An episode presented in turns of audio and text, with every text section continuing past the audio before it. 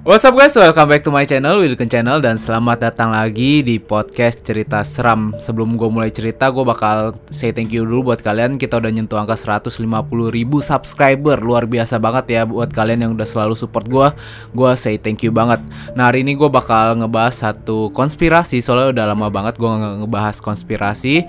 Banyak yang nge-request ke gue gitu. Bang coba bawa satu konspirasi lagi. Soalnya menarik konspirasi Walaupun kebanyakan sih uh, Mostly orang kalau denger konspirasi pasti nggak percaya tapi kali ini gue bakal ngebawain atau ngebahas konspirasi tentang kartun SpongeBob. Kalau gue tanya tentang kartun SpongeBob pasti kebanyakan dari kalian, oh tau lah orang sekarang juga masih tayang gitu walaupun banyak disensor ya kena ya kena kena masalah lah kartun ini karena cukup um, bahasa bahasanya dan pakaiannya itu kurang kurang senono ya sepertinya ya tapi di balik kelucuan kartun SpongeBob itu banyak banget konspirasi yang mau gue bawa ke kalian nih. Salah satu contohnya itu kalian tahu nggak kalau SpongeBob itu uh, tempat bikini bottomnya itu ada di dunia nyata. Tapi nanti bakal gue bahas lebih lengkapnya gimana.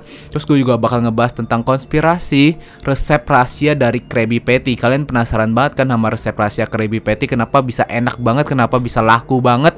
Emang rahasianya apa di balik itu? Nah ini rahasianya ada yang kelam, ada yang menarik juga. Tapi bakal gue bahas pokoknya full di sini. Dan yang terakhir ada juga gue ngebahas konspirasi tentang meninggalnya tokoh utama di kartun ini. Siapa lagi kalau bukan SpongeBob SquarePants itu sendiri. Nah kalian pasti langsung kaget dong loh. Emang beneran? SpongeBob itu meninggal. Gimana ceritanya? Nah, ini bakal gue bahas full pokoknya di sini. Langsung aja kita bahas mengenai kartun SpongeBob ini nih. Men's grooming essential. Nah teori konspirasi pertama yang mau gue bahas bersama kalian adalah letak dari Bikini Bottom. Rupanya letak dari Bikini Bottom ini ada loh di dunia nyata. Jadi buat kalian yang nggak tahu karakter SpongeBob itu diciptakan pada tahun 1980-an oleh seseorang bernama Stephen Hillenburg. Nah akhirnya kartun SpongeBob ini bisa tayang di televisi pada debut pertamanya pada tahun 1999. Nah kalau kalian nonton kartun SpongeBob itu dari kelucuan kartun SpongeBob itu kalian nyadar gak sih ada satu kanen di mana ada beberapa hewan yang bisa ngomong kayak SpongeBob, Patrick, Tuan Crab itu bisa ngomong ya. Tapi ada juga beberapa hewan yang tidak bisa ngomong. Contohnya seperti uh, keong si Gary itu atau ubur-ubur kan nggak bisa ngomong. Kenapa bisa kayak gitu? Kenapa ada hewan yang bisa ngomong? Tapi kenapa ada hewan yang nggak bisa ngomong? Nah ada satu teori konspirasi yang mengatakan letak dari Bikini Bottom ini adalah uh, tempat uji coba nuklir yang di dunia nyata disebut dengan Bikini Atoll. Jadi hewan-hewan yang terkena radiasi dari nuklir itu jadi bisa bermutasi dan bisa ngomong. Nah, jadi ini cukup masuk akal kalau kalian perhatikan rupanya Stephen Hillenburg itu adalah seorang peneliti, peneliti lautan yang sepertinya sudah pernah ke Bikini Atoll dan melihat keanehan itu. Jadi mungkinnya dia sudah melihat hewan-hewan yang bisa berbicara di Bikini Atoll akhirnya menginspirasi dia untuk menciptakan kartun ini. Nah, walaupun dari itu semua sebenarnya memang Stephen Hillenburg ini tidak pernah memberitahu lokasi sebenarnya Bikini Bottom itu ada di mana. Tapi kalau kita nonton beberapa episode, ada beberapa episode yang menunjukkan kalau Bikini Bottom itu letaknya di Samudra Pasifik dan uniknya Bikini Atoll sendiri letaknya itu memang di Samudra Pasifik juga. Nah, terus dilihat dari beberapa gambaran ada ladang ubur-ubur, terus ada beberapa petunjuk dari episode-episode itu cocok banget dengan yang ada di Bikini Atoll juga. Jadi jadi ya ini satu hal yang kebetulan yang sangat sangat kebetulan gitu. Jadi buat kalian yang penasaran sama letak Bikini Atoll, memang letak Bikini Atoll ini menjadi lokasi uji coba nuklir oleh Amerika Serikat saat Perang Dingin. Dan bukti-bukti kalau misalnya Bikini Bottom itu juga di lokasi Bikini Atoll yang terkena radiasi itu ada di, di karakter Sandy nih. Kalau kalian perhatikan nama Sandy ini adalah Sandy atau percikan dari pasir-pasir yang terkena ledakan dari bom atom. Jadi kenapa namanya Sandy ya? Karena ada ada bom atom di situ terus meledak dan akhirnya ada percikan pasir itu. Nah, itu karakter Sandy yang mendukung teori ini. Kemudian karakter Sandy itu juga semakin mendukung teori ini di mana kalau rupanya tupai itu adalah hewan yang paling sering dibawa oleh angkatan laut Amerika Serikat ketika uji coba di nuklir di tempat itu. Jadi karakter Sandy ini bener-bener mencolok banget. Apalagi kalau kalian perhatiin, kenapa Sandy di dalam film SpongeBob itu menggunakan pakaian luar angkasa kan cukup aneh. Sebenarnya kalau kita pikir secara logika sih, oh mungkin aja dia butuh oksigen lewat itu ya.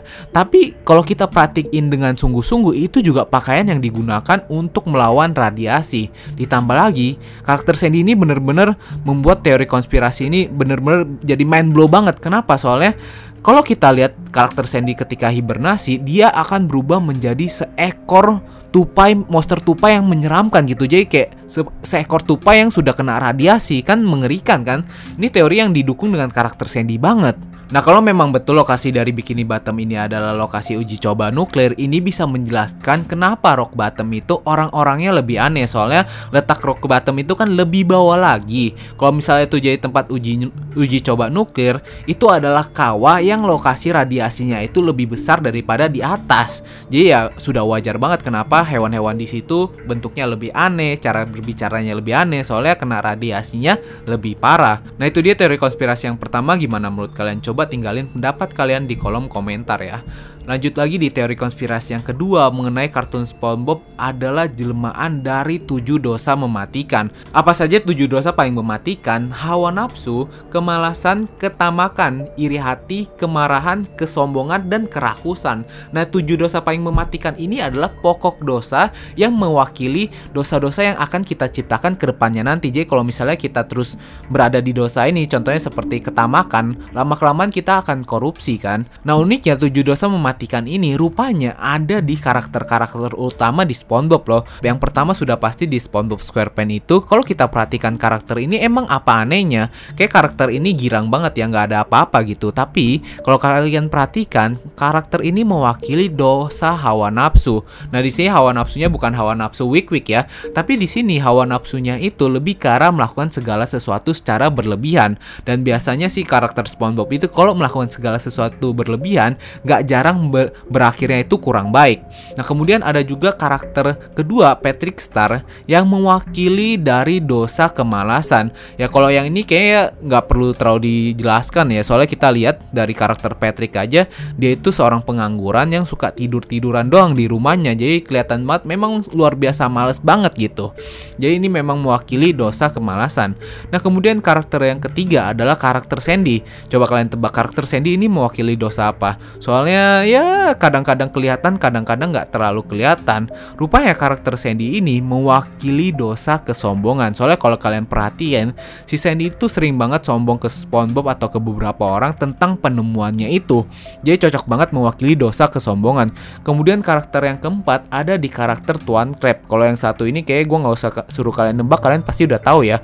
Karakter Tuan Crab ini mewakili dosa ketamakan jadi di situ memang dia ini sangat suka banget sama uang, sangat mencintai uang, segala sesuatunya itu dihargai dengan uang dan ya apa pun dia lakukan demi uang. Jadi memang karakter dari Tuan Crab ini cocok banget dengan dosa ketamakan. Kemudian ada karakter dari Squidward yang adalah dosa kemarahan. Ini mewakili dosa kemarahan. Memang kita ngeliat karakternya itu selalu kelihatan marah-marah terus, nggak ada sebab apa-apa selalu marah, diajak bercanda nggak bisa tapi selalu marah. Jadi ya sangat cocok sekali dengan dosa kemarahan. Nah, kemudian karakter yang keenam adalah karakter dari Plankton. Kalau kita lihat dari karakter Plankton ini sudah pasti dia itu adalah dosa yang mewakili iri hati. Soalnya dia selalu iri hati sama Tuan Crab. Dia itu pengen punya pengen punya rahasia resep rahasia Krabby Patty sampai dia itu tidak fokus dengan kehidupannya sendiri. Jadi memang karakter Plankton ini mewakili dengan dosa iri hati. Dan karakter yang terakhir dan nggak terlalu kepikiran ini mewakili dosa apa? Ini adalah karakter Gary. Dan dosa yang terakhir yang kalau kalian ingat adalah dosa kerakusan. Kenapa dia bisa dibilang mewakili dosa kerakusan? Soalnya kalau kita perhatiin karakter Gary itu, dia itu memang kerjanya itu cuma makan dan dalam jumlah besar biasanya. Kalau kalian perhatiin di beberapa episode, karakter Gary ini kalau sekali makan tuh kan luar biasa gede banget kan. Nah inilah yang menyebabkan dia itu mewakili dosa kerakusan. Nah gimana menurut kalian? Eh, karakter-karakter tujuh karakter utama dari SpongeBob itu bisa gak mewakili dosa-dosa mematikan itu? Ini suatu kebetulan emang sebenarnya disetting oleh pencipta karakter SpongeBob itu dengan tujuan yang dirahasiakan. Apakah seperti itu? Coba komen pendapat kalian di kolom komentar ya. Next teori konspirasi yang ketiga tentang resep rahasia Krabby Patty nih. Kalian pasti penasaran banget ya. Resep Krabby Patty itu emang apa sih? Apa yang buat Krabby Patty ini bisa jadi nikmat banget, pelanggannya luar biasa banyak. Nah, rupanya resep Krabby Patty itu pernah bocor. Nah, dari dari rahasia resep Krabby Patty ini rupanya teori konspirasinya tuh udah luar biasa banyak banget. Gue bakal coba jelasin beberapa soalnya kalau nanti gue jelasin semua ini nggak habis-habis ngebahas tentang resep resep rahasia Krabby Patty doang. Nah, teori konspirasi yang pertama mengatakan kalau sebenarnya resep Krabby Patty itu tidak ada rahasia sama sekali. Jadi Tuan Crab itu menciptakan resep rahasia Krabby Patty itu cuma untuk mengecoh plankton. Karena kalau kalian perhatikan, plankton itu selalu mengejar atau berusaha mencuri resep rahasia Krabby Patty sampai nggak fokus sama tokonya sendiri. Kan sering banget kan ngeliat kalau tokonya itu kayak nggak dijaga sama sekali sama plankton, dia cuma mikirin gimana caranya mencuri resep Krabby Patty. Jadi si plankton ini nggak fokus sama kerjanya sendiri dan akhirnya Tuan Crab yang ya ngomongin tokonya samping-sampingan itu bisa lebih unggul. Nah selain itu rupanya resep rahasia Krabby Patty kalau nggak ada resep rahasianya tapi dibilang ada, orang kan jadi penasaran juga. Jadinya orang pengen nyoba gimana sih resep rahasia itu rasanya bagaimana. Nah itu adalah teori konspirasi yang pertama yang sebenarnya cukup masuk akal tapi tidak terbukti. Kemudian teori konspirasi yang kedua mengenai resep rahasia Krabby Patty ini ada di anak Tuan Crab atau si Pearl itu. Kalau kalian perhatikan, Tuan Crab itu kan seekor kepiting. Sedangkan anaknya ini kenapa ikan paus? Ada di episode mengatakan kalau si Pearl ini ditemukan oleh Tuan Crab dengan ibunya yang sudah meninggal kan. Tapi ada juga teori konspirasi yang mengatakan sebenarnya ibu yang meninggal itu bukanlah meninggal sengaja atau bukan meninggal natural gitu, tapi dia itu meninggal karena Tuan Crab ingin memasak dagingnya menjadi resep rahasia dari Krabby Patty. Jadi ada teori konspirasi yang mengatakan kalau Krabby Patty itu tercipta dari daging ikan paus, tepatnya daging ibu si Pearlnya ini. Wah luar biasa banget ya ini kayak kalau kalian mendengar hal ini kayak wow gimana orang bisa berpikir kayak gitu? Gue aja sampai merinding loh ngeceritain hal ini kayak kejam banget kan Tuan Crab itu. Tapi balik lagi teori konspirasi yang kedua ini belum ada buktinya sama sekali. Nah teori konspirasi yang ketiga dan ada buktinya ada di yang mengatakan kalau resep Krabby Patty itu tercipta dari daging kepiting. Wow wow wow wow wow. Kalian langsung pikir oh my god Tuan Crab berarti memakan sesamanya dong atau kenapa tega banget menjual sesamanya gitu. Dia memang teori konspirasi yang mengatakan kalau Krabby Patty itu tercipta dari daging kepiting ini sudah terbukti. Kalau kalian ngecek di www.nick.com dia itu mengatakan kalau resep Krabby Patty ini tercipta atau dibuat menggunakan olahan daging kepiting imitasi. Kalian perhatikan di bagian atas itu dia tuliskan daging imitasi, kepiting imitasi ya. Berarti bukan daging asli dari kepiting. Tapi kalau kalian perhatikan di bagian bawahnya itu ada tulisan yang mengatakan semua olahan atau resep itu dicampur dengan daging kepiting asli. Jadi memang ini bukti pertama. Kemudian ada juga bukti yang kalau kalian perhatikan letak dari Krusty Krab itu, toko Krusty Krab itu di dunia nyata adalah sarang dari jebakan kepiting. Jadi teori konspirasi ini mengatakan kalau Tuan Crab ini menangkap seluruh kepiting di Bikini Bottom untuk dijadikan resep rahasia Krabby Patty. Ada juga episode yang keluarin bukti lagi di mana ketika Tuan Crab mau cobain Krabby Patty dia bilang, "Oh, ini ya rasanya diri gua. Ini ya rasanya rasanya kepiting." Jadi kayak Wah, wow, wow, wow. Apa nih maksudnya nih? Berarti Tuan Crab menangkap semua kepiting di Bikini Bottom dong. Nah, tapi menariknya, kalau gue bilang resep rahasia biki, uh, Krabby Patty itu adalah daging kepiting, ada yang bilang, loh itu gimana keluarganya si Tuan Crab? kan kayak ada ibunya gitu. Nah, kan gue bilang dia menangkap kepiting di Bikini Bottom. Jadi bukan keluarganya, dia menangkap kepiting-kepiting di Bikini Bottom tapi bukan keluarganya sendiri. Dia menangkap teman-temannya atau orang-orang yang gak dikenal. Makanya dia adalah seekor kepiting sendirian di Bikini Bottom bersama keluarganya. Nah, kemudian ada juga yang mengatakan, "Loh, loh, loh, loh, tunggu dulu, tunggu, tunggu, tunggu." Bukannya ada episode di mana Tuan Crab itu bertemu para kepiting di episode kepiting terpelit. Nah, kalian perhatikan baik-baik nih. Kalau misalnya kalian nonton episode itu, si Tuan Crab dan SpongeBob keluar dari kota Bikini Bottom. Jadi mereka itu bukan di kota Bikini Bottom, mereka itu pergi keluar kota. Jadi yang gue bilang dari tadi adalah Tuan Crab menangkap kepiting di Bikini Bottom untuk dijadikan resep rahasia Krabby Patty. Nah, jadi cukup masuk akal sekali kan dengan bukti-bukti yang sudah dikeluarkan itu. Wow, resep rahasia Krabby Patty adalah daging kepiting itu sendiri. Berarti ya Tuan Crab tega banget ya, luar biasa. Gimana menurut kalian pendapat kalian tentang resep rahasia Krabby Patty ini? Coba tinggalin pendapat kalian di kolom komentar. Nah kemudian gue mau ngebahas teori konspirasi yang keempat Di mana ada satu episode yang sangat mengerikan Episode yang sudah dihapus dan tidak pernah tayang di televisi. Nama episode ini adalah The Red Mist dan mengerikannya kalian tahu gak sih episode ini dipercaya memiliki dampak yang sangat buruk bagi anak-anak yang menonton episode ini. Kenapa kayak gitu? Kalian pernah gak sih tahu satu serial dari film Jepang yang mengatakan kalau ada satu film yang berbahaya banget buat anak-anak soalnya ada frekuensi yang bisa menyebabkan anak-anak itu kalau mendengar frekuensi ini soalnya frekuensi ini cuma bisa didengar oleh anak-anak. Kalau anak-anak mendengar frekuensi ini mereka akan melakukan satu tindakan untuk mengakhiri hidup hidup mereka sendiri. Dan ini yang diciptakan di episode ini nih yang tidak pernah tayang di televisi. Dan sampai sekarang sih dari tim SpongeBob sendiri ingin memblokir video ini. Tapi masih ada beberapa yang keluar mungkin kalian bisa cek di YouTube. Tapi gue nggak merekomendasikan kalau kalian di di usia di bawah umur lah jangan nonton episode ini. Karena emang episodenya gue udah nonton cukup mengerikan. Di sini gue bakal ceritain aja buat kalian ya apa yang terjadi di episode itu yang di dalamnya itu Squidward sampai menghabisi dirinya sendiri. Nah kalian penasaran kan? Jadi gue bakal gue ceritain nih. Jadi pertama-tama di episode itu Squidward itu sedang latihan klarinet. Tiba-tiba dari bawah pintunya ini ada yang mengetuk pintu dan rupanya ketika Squidward membuka pintu ada seorang Skotlandia yang di depan pintunya ini mau ngomong sesuatu tapi pada saat itu mungkin karena Squidward juga orangnya mut-mutan nggak mau ngeladenin orang langsung ditutup tuh pintunya digeber dah gitu kan dan dia masuk lagi ke dalam. Nah setelah beberapa saat dia masuk ke dalam itu baru aja dia mau ngelangkah naik lagi ada getukan pintu lagi dan ketika dibuka laki-laki Skotlandia itu masih ada di depan pintu rumah Squidward itu dan yang anehnya adalah matanya ini berubah menjadi warna merah.